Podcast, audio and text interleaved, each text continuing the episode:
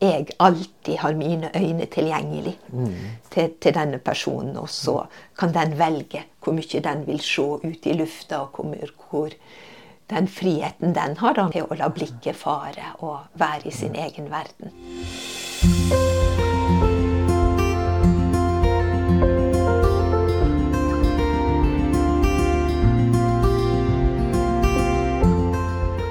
Det å snakke med et annet menneske under fire øyne, kanskje på kontoret ditt eller eh, hvor som helst, det er for veldig mange som jobber i kirka som pastor eller prest eller hva man eh, jobber som i kirken, en stor del av tida og en stor del av um, jobben.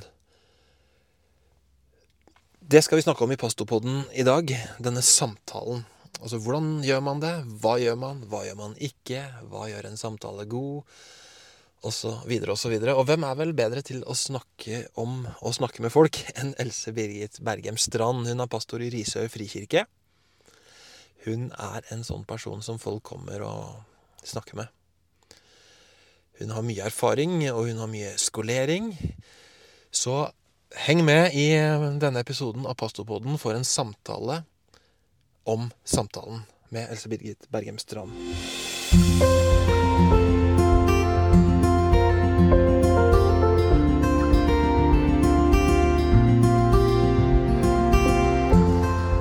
Så der står jeg utenfor, eh, på fortauet utafor Risøy frikirke. Det er et gammelt bygg. Det er hvitt trebygg, sånn som alle andre bygg i denne sørlandsbyen. Trehusbyen kalles jo Risør. Alle husene er hvite. Og dette huset er gammelt. Det har stått der i, siden 1880-tallet. Rett på gata, ikke noe parkeringsplass, sånn som det er med sånne gamle kirker i små, trange sørlandsbyer.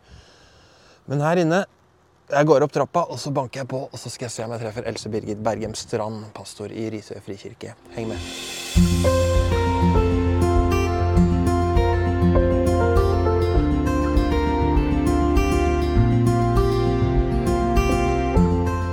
Da har jeg banka meg snøen eh, på vei inn i Risøy frikirke, og så rett innafor døra i kirka så er kontoret ditt, Else Birgit Bergem Strand.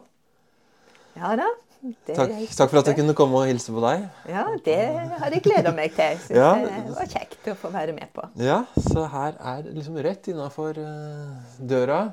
Det er et fint kontor i et fint bygg. Ja, vi er, vi er litt stolte. Vi er jo Ja. en av de eldste frikirkene. Ja. Altså i frikirkebygga. Ja. Og, så det er jo et gammelt, ærverdig bygg vi, vi sitter i, og, med en rørende historie. Og når de da etter hvert på 1880-tallet skulle bygge seg kirke, så var jo det å få råd til denne kirka. Men da står det i historien at eh, de gikk og pantsatte smykkene sine, ei dame, for å ha nok penger til at de kunne få opp dette bygget.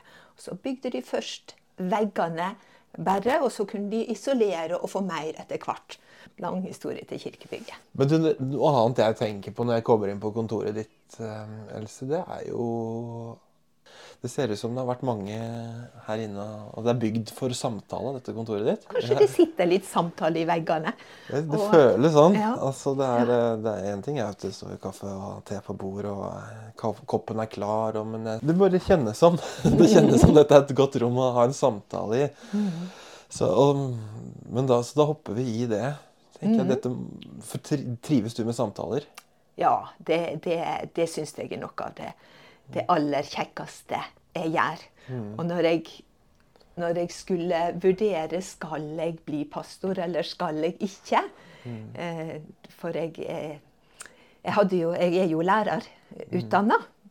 Og et lærerliv Jeg har hatt et lærerliv, et langt lærerliv til jeg var 51 år.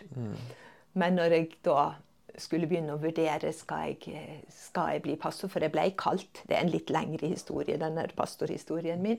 Men noe av det som virkelig trigga meg, det var dette der Da får jeg tid til å prate ordentlig med mennesker.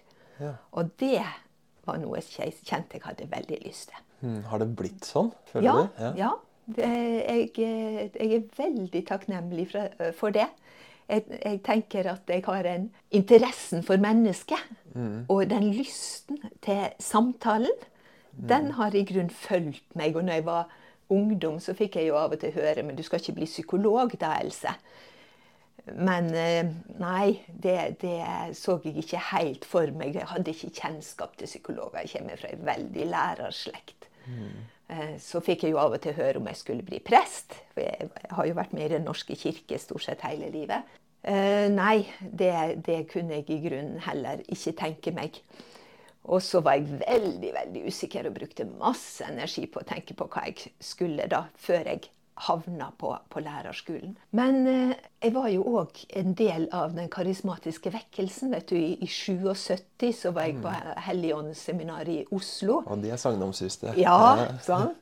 Og, og jeg dro på leirer med ungdom i oppdrag og var på teamtjeneste i utlandet. og Smugla bibler og det der. Alt var, var med på den derre eh, Skikkelig idealist. Skikkelig stå på.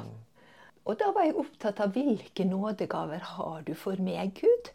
Og jeg kjente at den som jeg lengta litt etter, det var den der eh, å få lov til å samtale med mennesker. Ja. Så allerede den gangen så, så hadde jeg eh, djup interesse for å Nysgjerrig på mennesker. Mm. Og så når jeg da så det har fulgt deg hele veien? Ja, det har fulgt meg ja. hele veien. Når jeg mm. da ble lærer, så var det jo noe av det som jeg var opptatt av, var jo denne relasjonsbygginga med, mm. med elevene. Og, og, jeg tenker at det å være lærer gir deg jo et utrolig overblikk mm. på, på, hva som kan feile oss mennesker. Mm. Og, og, hvor sammensatte vi er. Og vi kommer i alle fasonger og med alle slags eh, ja, gleder og sorger. Men da, som lærer så hadde du liksom ti minutter da og ti minutter da, og så skulle du inn i noen av disse.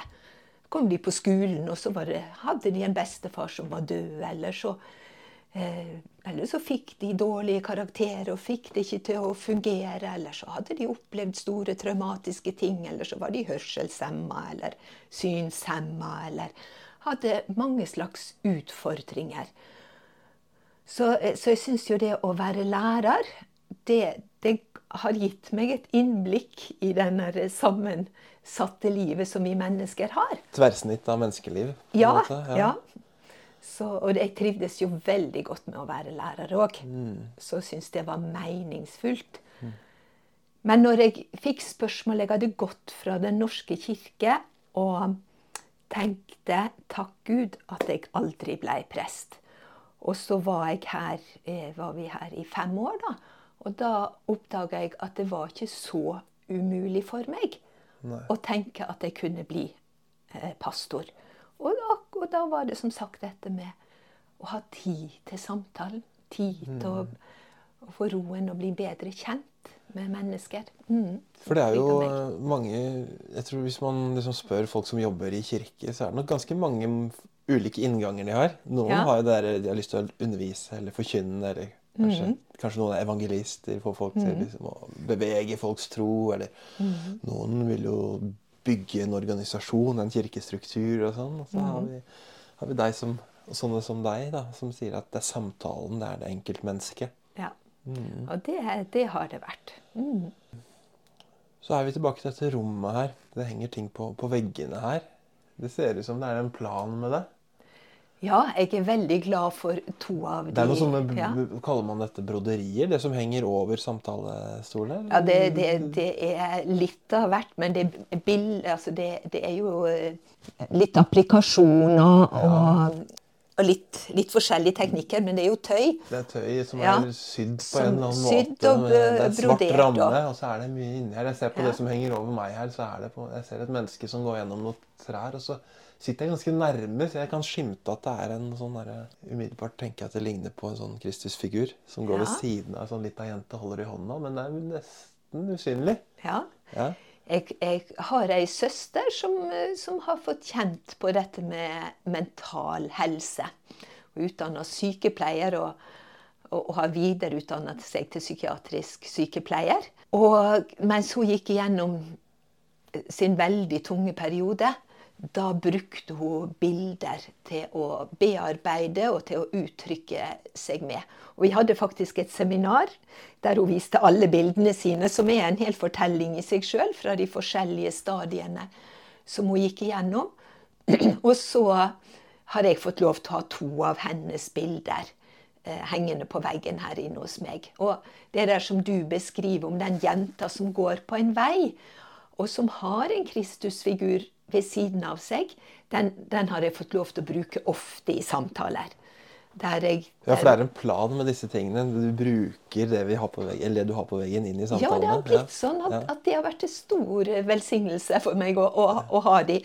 Og, og de der små ansiktene som titter fram bak eh, trær. Hun fortalte at når hun laga det bildet, så, så turte hun nesten ikke å håpe at det var noen som så henne. Ja, for bak trestammen Men- eller bjørkestammen Ja. så titter hun ansiktet fram Ja. langs veien. ja. Ja, så hvis hun bare, bare turte å se etter, så var det mennesker der som ville henne vel.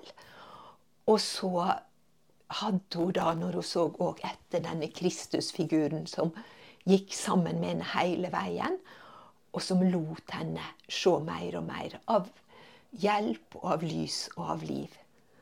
Og Men da, ja, for er det det Er det det liksom eh, Er det det en samtale er for deg? Ja, en, en, en samtale det, jeg, jeg, jeg tenker at noe av det fineste jeg vet i samtalen, det er jo når, når mennesker skjønner at de er elska. Sant? Når de får dette her glimt, at de er tatt imot. At Gud vil de vel. Og når de får lov til å finne fram til ting som måter å tenke på, måter å se verden på, som kan gjøre det litt lettere å leve. Og som gjør at de kan komme litt mer til rette med det, det tunge de har opplevd. Og det, det syns jeg da, da blir jeg veldig takknemlig. og av og til så kan det skje i én samtale, og av og til så må jeg jo ha mange samtaler. For jeg, jeg har liksom på følelsen, eller har eh, fått forstå etter hvert, at du er en person som har ganske mange samtaler. Jeg tror det finnes mange pastorer som har få samtaler òg, som ikke er liksom typen til det. Da, men kanskje det er noe med deg som folk senser at dette er et menneske som, som liker å prate, som, som det er godt å komme til i samtale. Og er samtaler litt sånn like, eller er de veldig forskjellige? Jeg tenker at tematisk kan de være veldig forskjellige. Altså, hva, hva strever folk med i sitt liv? Sant? Er det Ja, Hva strever de med? Ja. ja. uh, og, og jeg tenker at livet møter oss på så mange måter. sant? Uh, noen strever i sitt parforhold, noen strever med sin tru.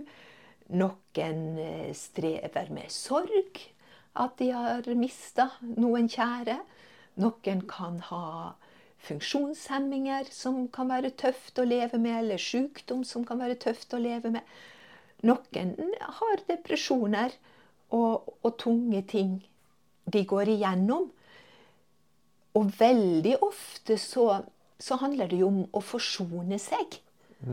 Og, og klare å komme inn til hvor er jeg i livet mitt nå? Hva vil det å, være, å snakke sant om livet mitt nå? Sier ofte at du må få bakkekontakt. Hvor, hvor er du? For når, når du veit hvor du er, så kan vi få lov til å begynne å bygge. Sant? Da, da, da kan du spenne fra. Så nå må jeg få høre.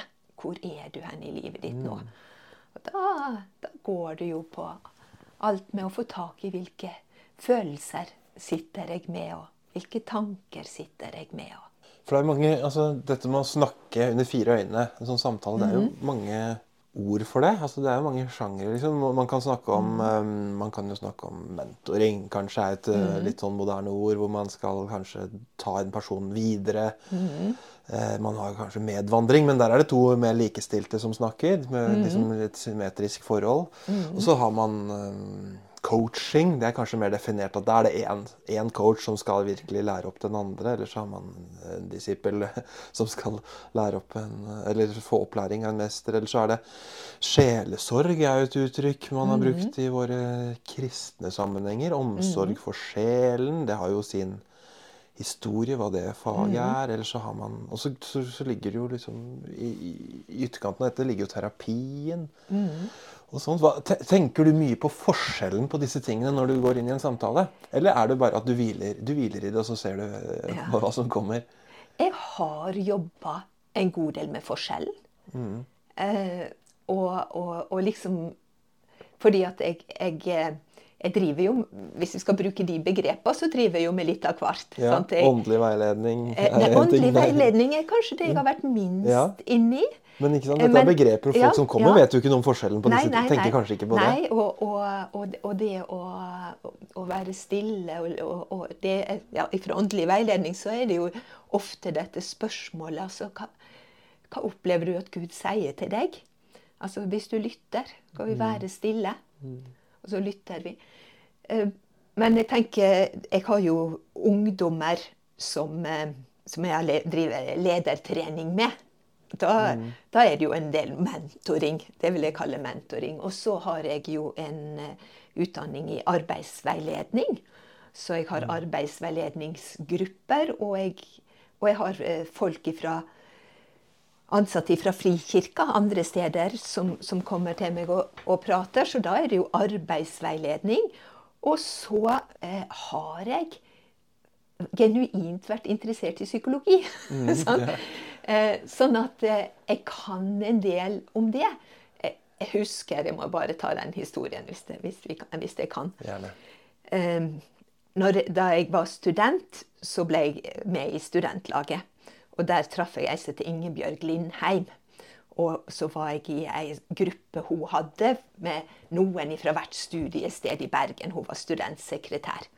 Og en av de tinga vi fikk hos henne, eh, det var jo veiledning. Altså Vi kunne gå i sjelesorg hos henne, og det synes det hadde virkelig stor betydning i livet mitt, i samtalene med henne. Men så kom jeg jo fra denne karismatiske be bevegelsen, da, sant? Og, og hadde vært litt sånn stå på. Og så skulle jeg Og så studerte jeg til lærer. Og der var jo pedagogikk og psykologi inni det. Og den der å få lov til å forene alle disse verdenene, det syntes jeg var ganske vanskelig. Vi flytta til Nord-Norge og var med i ei, ei bibelgruppe der. Og jeg husker at jeg tok opp dette spørsmålet. Hva skal, hva skal vi legge vekt på? Skal vi legge vekt på psykologi, eller skal vi legge vekt på, på, på Gud? Liksom åndelighet. Og så så ikke de helt hvor jeg kom ifra, så de, de holdt en skikkelig forelesning for meg om at vi måtte ha plass til psykologien. Mens jeg egentlig hadde lyst til å ha Gud mer inn. Og, og det var problemet mitt. Hvor mye kunne jeg få lov til å ta Gud inn i samtaler? Men da vi flytta sørover igjen, og jeg var, var ferdig med å bli firebarnsmor, så gikk jeg på mitt første Teleios-kurs i 94. Og det var på mange måter for meg som å komme hjem. For de hadde denne her, at fikk, vi fikk lov til å bruke kognitiv psykologi og lære om det. Og lære en måte å arbeide med tanker og på, som den kognitive psykologien har. Og så fikk vi lov til å ta med oss åndeligheten. Og det, det ble en sånn landingsplass for meg. Og en, en, en tanke om at jeg får lov til å bruke alt jeg har av psykologien. Og jeg kan få lov til å bruke de nådegavene og det som jeg tenker Gud har gitt meg, og det å lytte til Gud i samtaler. Gud, hvor vil du? Men jeg, men jeg har den der djupe forståelsen av at psykologien òg egentlig altså Det er Gud som har på skapelsesplan gjort oss i stand til å utforske menneskesinnet og forstå det bedre. Og, og kunne nyttiggjøre oss av den kunnskapen òg inni. Så derfor så har jeg mer og mer fått lov til å lande i Nei, i samtaler så bruker jeg det jeg kan. Mm, du har på en måte en verktøykasse da, med forskjellige en- ting Ja. du har snappa opp gjennom livet og lært og Ja erfart, og så bruker du det sånn Har jeg, nå har jeg en eh, sønn og en svigerdatter som er begge er psykologer. Og det er klart jeg har kasta ball mye med de. De er opptatt av metakognitiv psykologi. Og syns det er spennende. Ja. Men må man være, for å bli en god samtalepartner eller sjelesørger, om vi kaller det det, må man, må man være god i psykologi? Må man kunne mye Nei. om sånt? Nei. Nei. Jeg tenker at det er genuint å være interessert i mennesket. Genuint bry seg. Hvem er du? Ja. Og hvordan kan jeg være til hjelp for deg? Ja. Og så tenker jeg at det er det at vi har to ører og én munn. Så Ja. jeg tenker at det å sette seg og lytte For jeg tror de fleste mennesker på en måte har en vei inni seg. Sant? Så hvis de, hvis de får lov til å gå den, og en kan få være lyttende ved siden av, så er det utrolig hva som skjer når mennesker får lov til å sette navn på ting. Og får lov til å hente opp følelser og får lov til å hente opp sorg og smerte eller problemer. Og det det, nei, det syns jeg er så artig. Jeg har, Så det er jeg har- de som, det er, det er de som prater, det det er ikke de- du. Nei, det, det prøver jeg i hvert fall på. Jeg er, jeg er litt pratende av meg, så, så stadig som jeg minner meg sjøl på Else, nå snakker du for mye igjen. Må du, nå må du, For jeg har så lyst de skal skjønne, vet du. Så det er en stor fristelse. Det er jo det. Ja. Ole Hallesby, den gamle Ja. høvdingen, som eh, indremisjonshøvdingen, han hadde jo en, han hadde også sjelesorg som sitt fag, og han hadde jo en definisjon på sjelesorg som, var, som vi kanskje tar litt avstand fra i dag. Han sa at sjelesorg er forkynnelse for den enkelte. Ja, akkurat. Men det er ikke ja. der du er. Nei, nei, nei vi Det er på helt andre- helt andre siden. Og, jeg, og når jeg, eh, jeg har en litt ung person som har vært innom kontoret, og som er bare så reflektert. Og så sitter han og reflekterer over sitt eget liv. Og, og snakker høyt med seg sjøl. Og så kan jeg bekrefte Du er vitne til dette? Liksom. ja, vitne til det. Og jeg, jeg blir så glad når jeg, når jeg liksom ser Oi, ja, men så flott at du tenker sånn. Så dette har du fått tak i. Tenk det. Og jeg kan bekrefte dette, at dette har Gud vist deg. deg. Og så må jeg av og til da selvsagt inn og så si Hm, åssen kom du fram til det? Og åssen henger dette sammen med det andre du har sagt? Og så må jeg inn med den type spørsmål. Men jeg tror egentlig og, og, og det var jo til lei oss når vi var rundt i menigheter og holdt kurs. Sant? Så holdt vi jo kurs i hvordan vi skulle lytte til andre med varme med respekt og innlevelse. Og vi praktiserte en enkel lytteteknikk i grupper og øvde. Og det var jo for at en menighet skulle skjønne, og medlemmer i menigheten skulle skjønne, dette kan vi alle gjøre. Vi kan alle bygge tryggere relasjoner og varmere relasjoner med å lytte til Men da er jo også dette med å ha en god skape en god samtale, en god sjelesorgsamtale, det er også et stykke teknikk.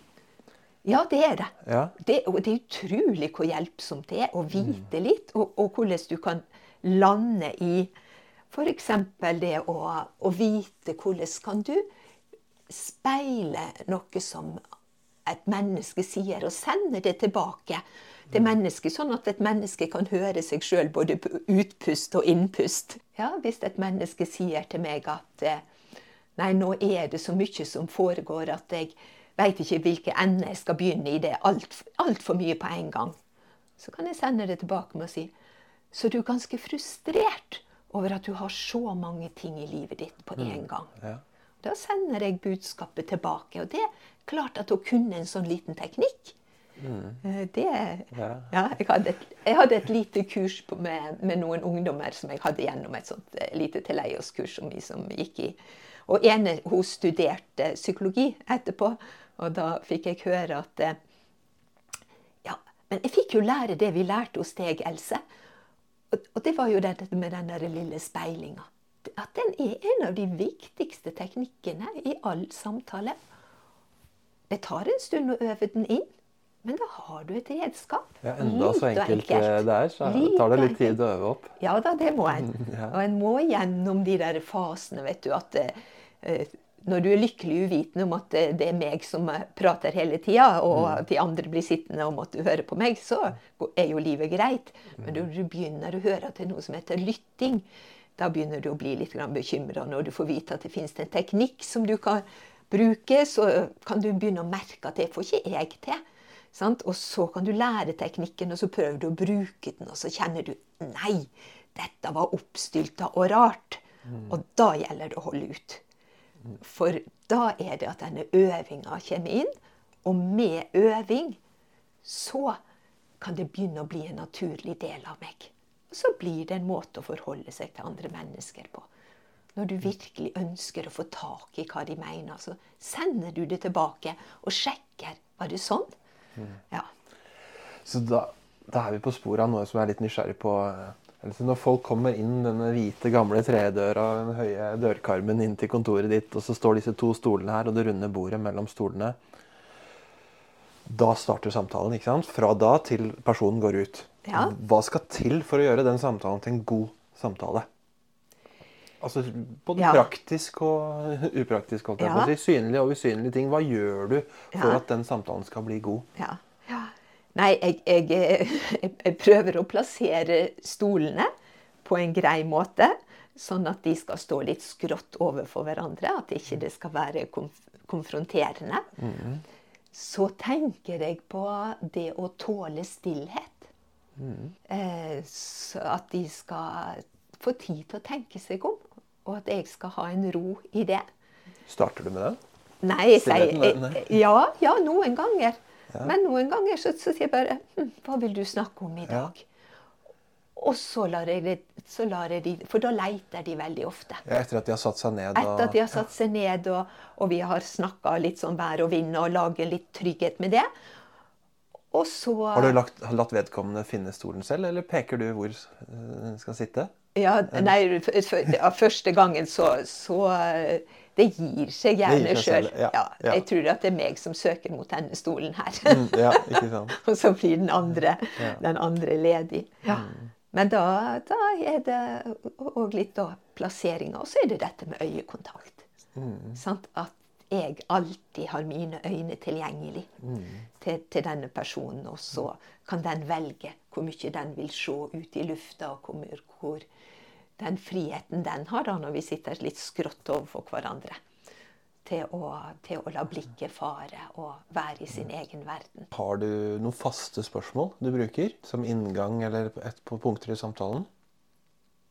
Ja, altså jeg, jeg, har nok, jeg har nok et sett med spørsmål eh, der, jeg, der jeg prøver å stille refleksjonsspørsmål. Eh, og og, og det, det er jo Det tenker jeg når jeg har tatt utdanninga i eh, veiledning og, og sånne ting, at da har vi trena på dette som heter åpne spørsmål. Dette at jeg unngår hvorfor-spørsmål. Men, men hva og eh, Og hvordan. Så, så det, det prøver jeg å, å finne ulike inngangsporter til et menneske. Men jeg spør veldig ofte etter følelser. På hva føler du nå? Ja, Ja, Er det som, skjer? sånn innledningsvis at du gjør det? hva skjer inni deg? Når jeg ser at når jeg ser, for, for jeg tenker at det med å observere kroppsspråk er òg viktig. Så når jeg ser at nei, nå har de kontakt med noe, så kan jeg spørre hva, hva skjer inni deg nå? Du konfronterer ikke kroppsspråk. Nå sitter jeg med armene i kors og beina i kryss. Du har ikke kommentert det ennå. Men du tenker inni deg? Ja, ja, ja. ja jeg, ser på, jeg ser på hva som jeg observerer, og ser på hva som skjer. Ja. Det gjør jeg. Og ja, det, det, det kan være veldig talende av Mm. og til, det.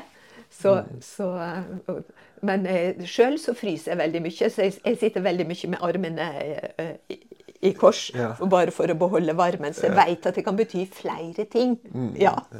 Så, men jeg tenker at får, en, jeg får en del informasjon. Og når jeg ser at, at nå skjer noe, eller jeg ser at nå blir øynene blanke, da veit jeg at nå er vi inne med noe, noe viktig.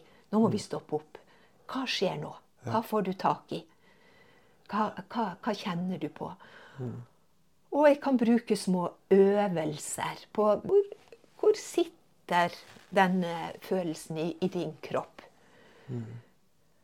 Og hvordan kan vi gi rom for denne følelsen? Hvordan kan en jobbe med den og, og se at den ikke er farlig? Og se at jeg tåler denne følelsen når det kommer borti angstproblematikk og, og sånne ting, f.eks. Mm. Det er et det er et uvant spørsmål for folk å få. Hvor, hvor sitter den følelsen i Ja, kroppen? ja, men de veit det som regel. Ja. Ja, så de vet det, og, og, og at vi da kan, kan, kan snakke om det, og snakke om den vokser, eller om den er Jeg, jeg, jeg husker ei som, som der jeg spurte hvilken farge den har, følelsen, og da, da begynte hun å gråte. Ja. Ja, For da, da ble den så tydelig for henne. Og det ble en sånn så, så akkurat hva som treffer og det enkelte mennesket og Du har noen som er hodemennesker, og noen som er følelsesmennesker. og da Da må du lytte deg inn mot det, da? Ja, Liksom, da må, slags, uh, det må litt inn, inn på det å skjønne. Det, det, er jo, det er jo noen som har et voldsomt intellektuelt forsvar, som eh, blir oppi hodet sitt og ikke har lyst ned på følelsesplanet. Ja. Og da, må vi, da har vi en liten, liten sånn battle, uten at de kanskje veit om det. At, eh, at jeg prøver å stoppe den tankestrømmen og forklaringer. For de forklarer jo veldig mye og, og underviser litt grann på hvorfor det blir sånn og sånn. og sånn og sånn. og sånn. Ja. Jeg prøver å stoppe litt grann og, og få tak i hva gjør dette med deg når, når dette skjer. Hva kjenner du på da? Ja. Har du, tenner du lys? Har du kaffe, kjeks og sånn? Eller hvordan har du Eh, noe nei, jeg, ytre jeg har som regel har jeg tekanna mi her, Ja. og, og en ekstra kopp. Ja. Og så spør jeg om de vil ha en kopp te. Mm. Noen, noen vil, og for noen så, så ser jeg at eh, Nei, de blir så opptatt av samtale, og, Ja. og det er der, det er der vi, vi lander. ja. Men at eh, Noen har sånn eh, Kleenex-boks stående. Har du det? Ja, ja. Jeg, Ja. jeg bare reiser meg opp og, Ja, ja det, og tar tak i den. Ja. Men eh, min egen sjelesørger har lært meg at eh, du skal ikke være for snar å ta den fram, Else. Nei. Nei. La folk gråte. Det er ikke farlig. Ja. Og, og, og la de kjenne litt på det. Mm. Ja. Du, Hva skal til for at du kjenner at det har vært en god samtale? Nei, da, da er det at et menneske har forstått noe. Og ekstra glad blir jeg når det har fått et møte med, med Jesus. Eller med Gud.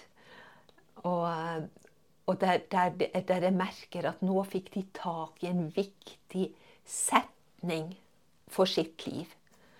Jeg bruker ganske ofte en liten teknikk eh, der jeg spør de, der jeg sier at hvis du nå setter deg godt til rette i stolen, og så lukker øynene og tenker at Jesus kommer til deg, får du tak i noe. Hva, hva, hvordan, hvordan gjør han med kroppen sin? Eh, er det noen bevegelser han gjør? Er det noe med, som du kan observere av Jesus som hjelper deg, eller er det noe han sier? Hvis du tenker at Jesus sier noe til deg. Og så er det jo noen som har et godt gudsbilde, og noen som har et dårlig gudsbilde. Men det får jeg vite da. Sant? Og så kan vi sjekke ut litt om det med gudsbildet. Men veldig mange har et en, en sånn godt gudsbilde, der de opplever at de får høre ting som, som de lander i, eller som gir forløsning, eller som lar gråten komme. Og, og så kan vi etterpå reflektere sammen om hva, hva er det i Guds ord som forteller at dette er sant? sant? Og, og, og fundamentere det i hvem Jesus er. Og det, da har jeg hatt mange sterke øyeblikk når, når de har fått tak i den. Men det fins òg, sånn som jeg sa innenfor kognitiv terapi, når de finner den nye setningen. Jeg husker en mann som, eh, som strevde med at og, og han følte at eh, kona hadde så mange krav til han. Og, og at hun liksom forventa at han skulle være snill hele tida. Han, han liksom sånn der, han, han følte på et press. Og så jobba vi med dette å få tak i en, eh, en ny setning som han kunne, kunne erstatte disse her kravsetningene sine, og hvordan han burde være, og hvordan hun forventa at han var. Og så, spurte jeg, eller så jobba vi med å få tak i en ny setning. Og hans nye setning den blei Jeg bestemmer selv at jeg vil være snill med min kone. Ja. For han var verdens snilleste mann. Men plutselig så eide han snillheten sin. Og det var han som bestemte. Og han, du så liksom hvordan eh, ryggen retta seg, og skuldrene kom på plass. Og ja, da var han klar Ja. til å gå hjem og bestemme sjøl at han ville være snill. Jeg Sånt er moro. Ja, Ja. jeg, jeg tenker på deg som sjelesørger og samtalepartner her. og du, du, virker som du har selvtillit i den rollen. Altså For du har noe verktøy, ikke sant? og du er trygg på å gå ved folk kjenner hvor i kroppen, Mm. Og hvilken farge følelser har, og finne setninger og sånn, som, kanskje er- Ja. Som kanskje er litt fremmed for mange som jobber i, kirka. Ja. Som ikke er så skolerte Ja. som du er. Hvordan kan, vi, hvordan kan man få den selvtilliten inn i en sånn samtale og tørre å gå inn i de vanskelige tingene? Altså Ikke være redd for tårene når de kommer. altså Det å konfrontere folks gudsbilder og sånne ting. Altså Være trygge nok til å bli med folk på den reisen. Har du Ja. noen råd til det? Ja. Eh, jeg tenker at det er- handler veldig mye om å være sårbar sjøl. Det handler veldig mye om å ha turt å ta tak i sitt eget liv og vært innom noen av de rommene i sitt eget liv. At en har utsatt seg eh, for smerten i livet. Jeg, jeg, jeg tenker om meg sjøl at jeg er et følelsesmenneske. Jeg har hatt tunge perioder i, i livet mitt. Og der jeg har kjent meg langt nede og, og, og kan veksle om jeg går opp og ned og blir veldig begeistra og sånne ting òg. Men mange ganger så hadde jeg tenkt at hvis ikke det var for disse litt mørke periodene, så hadde jeg aldri kanskje turt å gå inn sammen med andre i deres mørke rom. Eh, og, så, og så har livet brakt med seg har brakt mennesker i min vei som eh, Der jeg ikke var i sjelesorgrommet, men der jeg var i vennskapsrommet. Og, og der, der det har storma veldig. Og eh, det var litt Det var òg en sånn liten historie, da. Med, med, jeg var i arbeidsveiledning, og vi har jevnlige eh, møter i arbeidsveiledning. Og da tar vi Altså, vi får veiledning på veiledning. Og da ta, må vi ha med oss case. Og så skal vi i gruppe em, være, veksle på å legge fram case og være veiledere for case. Så jeg skulle være veileder for et case. Og så skulle resten av gruppa de skulle være i gruppe, men samtidig så skulle de jo prøve å hjelpe meg til å bli en bedre veileder. Og det er jo alltid ubehagelig. Ja, det er rar, rar Alltid setting. ubehagelig. Sant? Er jeg flink nok til å veilede? Og her sitter andre litt mer og mindre profesjonelle veiledere, og så skal de, de se på min veiledning. Og så kjente jeg at uh, dette her var ubehagelig. Helt til personen la fram caset sitt. For det var et djupt og eksistensielt og skikkelig vanskelig case. Og da ble jeg helt rolig. Og etterpå så spurte gruppa hva skjedde med deg nå, Else? Og da sa jeg nei, dette kan jeg si. For dette, så, dette var så ille at her er det én ting som gjelder, og det er å tørre å være til stede. Ja. Og da, da visste jeg da skal jeg tørre det. For dette rommet har jeg vært i før. Tørre å være til stede. Ja. Det er Så en slags det- mot, det også. Ja, det er, det er et mot. det. Du har så lyst til å eh, Og det å tørre at noen går ut ifra mitt kontor mens de er lei seg. Sant? Og ikke tenke Min oppgave er at de skal føle seg bedre. Da har jeg lykkes. Nei, min oppgave er å la de få kontakt med sitt eget liv. Og hvis de får den, da kan de bygge. Og da kan det hende de må gå ut fra mitt kontor og være lei seg. Og jeg må ikke legge på bandasje eller trøste eller plastre like før de går ut. Sånn at de, de legger det fra seg igjen. De må, de må få lov til å arbeide med seg, for det, de viktige tinga kan skje mellom hver veiledning. Ja, eller hver da, da, sjelesorg. du, da må du invitere til neste samtale, kanskje, når du Ja, er der. ja. det, må vi, det må vi gjøre. Mm. dette, her, er- dette må vi snakke videre om. Men en må tåle at ikke alt blir bra. En må tåle å være i smerte. For det, Der er jeg nysgjerrig på en annen ting. Jeg spurte om hva som gjør en samtale bra. men At du skal føle at den er bra. Men hender det at du føler at en samtale ikke var bra? Jeg tenker ofte at for min altså, Vi vil jo gjerne at folk skal klappe oss på skulderen og si 'tusen takk'. Det var jo så viktig det du Ja. sa. Dette forandra livet mitt, Else, det du sa til meg i dag. Ja. Men det er jo mange samtaler som ikke er sånn også. Ja, ja. Det, det er det, og, og det har jeg tenkt på mange ganger. Jeg, jeg liksom Jeg tenker at, at uh, som sjelesørger så beveger du deg helt inn til grensa for et menneskeliv. Og, og, så du, og så står du og pusher på den grensa. Og når du pusher på den, da, da, da må du utfordre òg. Du skal ikke bare støtte, men du skal utfordre et menneske.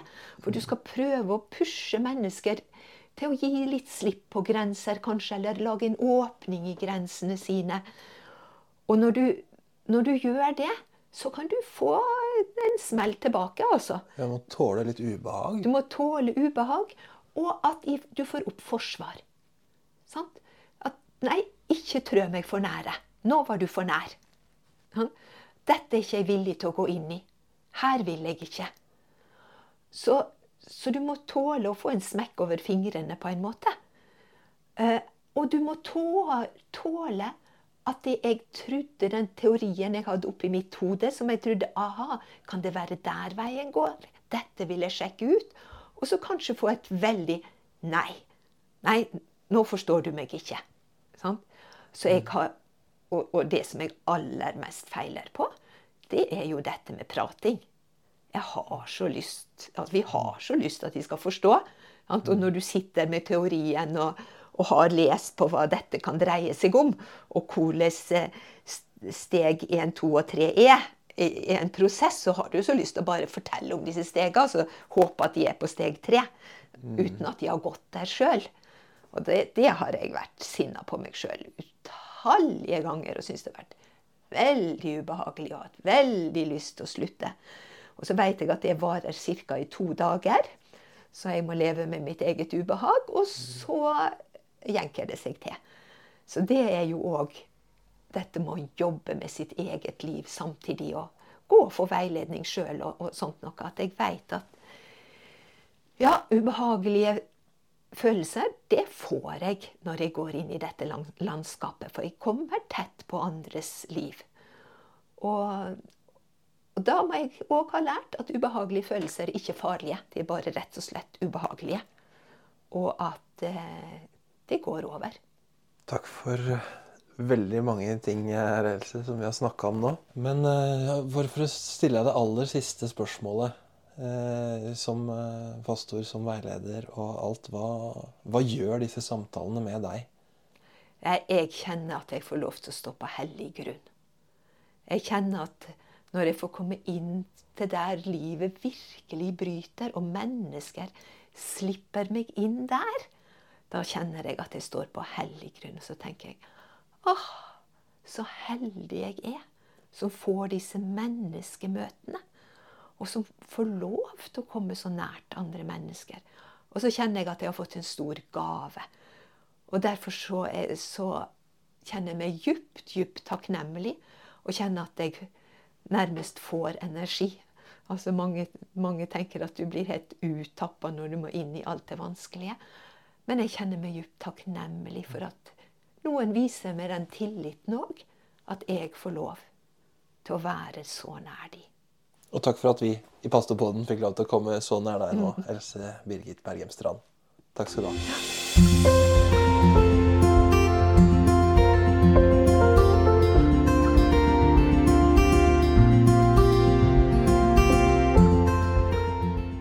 Du har lyttet til en episode av Pastopodden. Det er en podkast fra Frikirken, og den er laget av meg, Jostein Ørum. Lik gjerne med en stjerne eller en tommel opp der du har funnet denne podkasten, eller del den med en venn, for jeg tror det er ganske mange som kunne ha nytte og glede av å høre denne samtalen. Vi høres neste gang.